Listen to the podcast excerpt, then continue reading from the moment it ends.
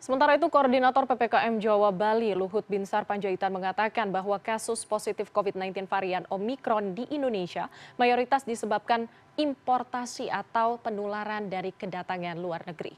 Pemerintah meminta masyarakat untuk menahan diri dari bepergian ke luar negeri dalam beberapa pekan mendatang. Pasalnya ada peningkatan penyebaran varian Omikron yang telah mencapai 150 negara.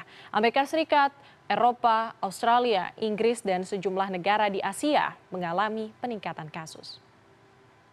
Di Indonesia hari ini setelah uh, saya sampaikan sebelumnya bahwa tren peningkatan kasus COVID-19 disebabkan oleh pelaku perjalanan luar negeri dan Presiden secara spesifik menekankan ini tadi untuk kita dianjurkan menahan diri dulu beberapa minggu ke depan untuk tidak keluar negeri Kasus konfirmasi PPLN inilah mendominasi proporsi kasus harian di Indonesia hingga menyebabkan kenaikan kasus aktif dan perawatan pasien di Jawa Bali yang lagi-lagi disebabkan oleh pelaku perjalanan luar negeri.